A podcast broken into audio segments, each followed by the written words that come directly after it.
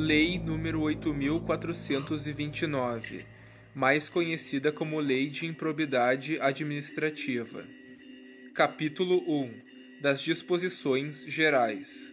Artigo 1 Os atos de improbidade praticados por qualquer agente público contra a administração de qualquer dos poderes da União, dos Estados, do Distrito Federal, dos municípios, de território, de empresa incorporada ao patrimônio público ou de entidade para cujo custeio ao erário concorra com mais de 50% do patrimônio ou da receita anual, serão punidos na forma desta lei.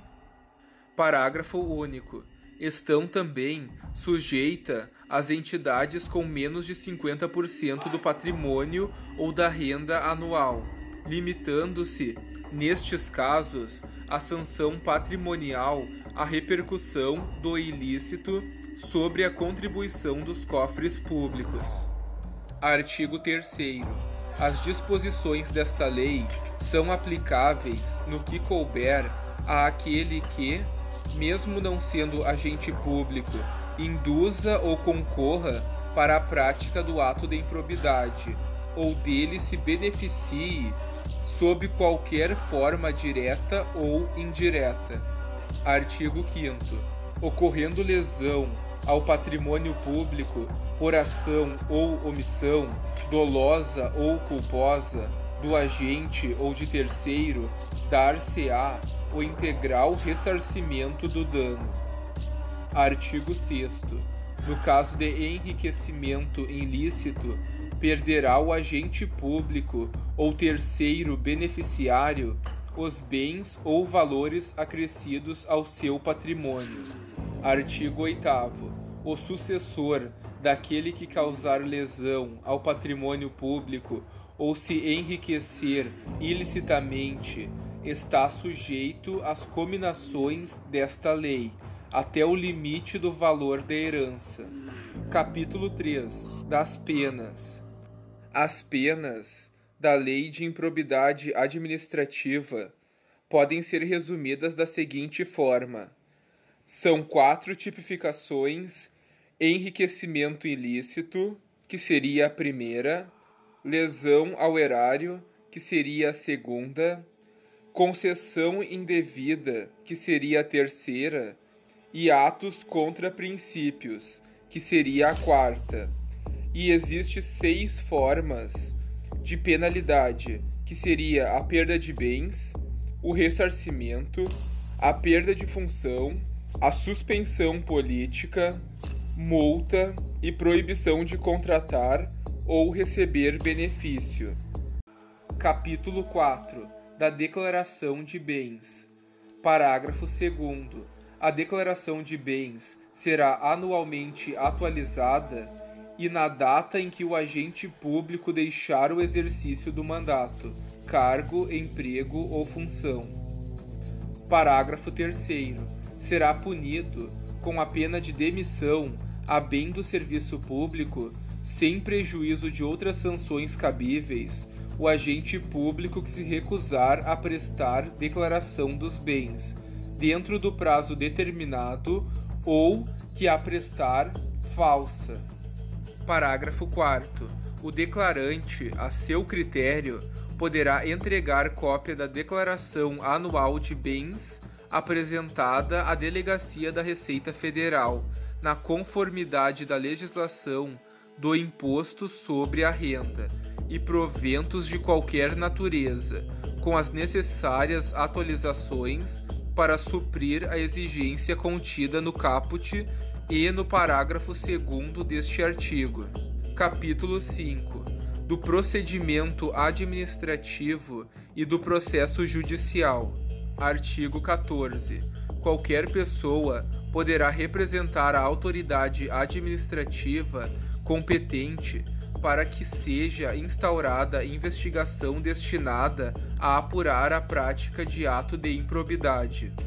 Parágrafo 1 a representação, que será escrita ou reduzida a termo e assinada, conterá a qualificação do representante, as informações sobre o fato e a sua autoria e a indicação das provas de que tenha conhecimento. Parágrafo 2. A autoridade administrativa rejeitará a representação em despacho fundamentado, se esta não contiver as formalidades estabelecidas no parágrafo 1 deste artigo. A rejeição não impede a representação ao Ministério Público. Parágrafo 3. Atendidos os requisitos da representação, a autoridade determinará a imediata apuração dos fatos. Artigo 15. A comissão processante dará conhecimento ao Ministério Público e ao Tribunal ou Conselho de Contas da existência de procedimento administrativo para apurar a prática de ato de improbidade. Parágrafo único. O Ministério Público ou Tribunal ou Conselho de Contas poderá, a requerimento, designar representante para acompanhar o procedimento administrativo. Artigo 16.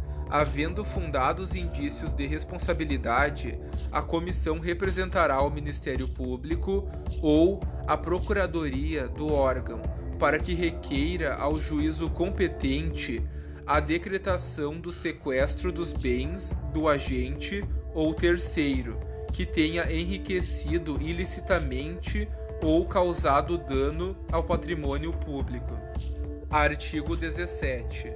A ação principal, que terá o rito ordinário, será proposta pelo Ministério Público ou pela pessoa jurídica interessada. Parágrafo 1. As ações de que trata este artigo admitem a celebração de acordo de não persecução civil nos termos desta lei. Parágrafo 2. A Fazenda Pública, quando for o caso, promoverá as ações necessárias à complementação do ressarcimento do patrimônio público. Parágrafo 4. O Ministério Público, se não intervir no processo como parte, atuará obrigatoriamente como fiscal da lei, sob pena de nulidade. Capítulo 6 das disposições penais. Artigo 19. Constitui crime a representação por ato de improbidade contra agente público ou terceiro beneficiário quando o autor da denúncia o sabe inocente. Artigo 20. A perda da função pública e a suspensão dos direitos políticos só se efetivam com o trânsito em julgado da sentença condenatória. Parágrafo único. Além da sanção penal, o denunciante está sujeito a indenizar o denunciado pelos danos materiais, morais ou à imagem que houver provocado. Parágrafo 2.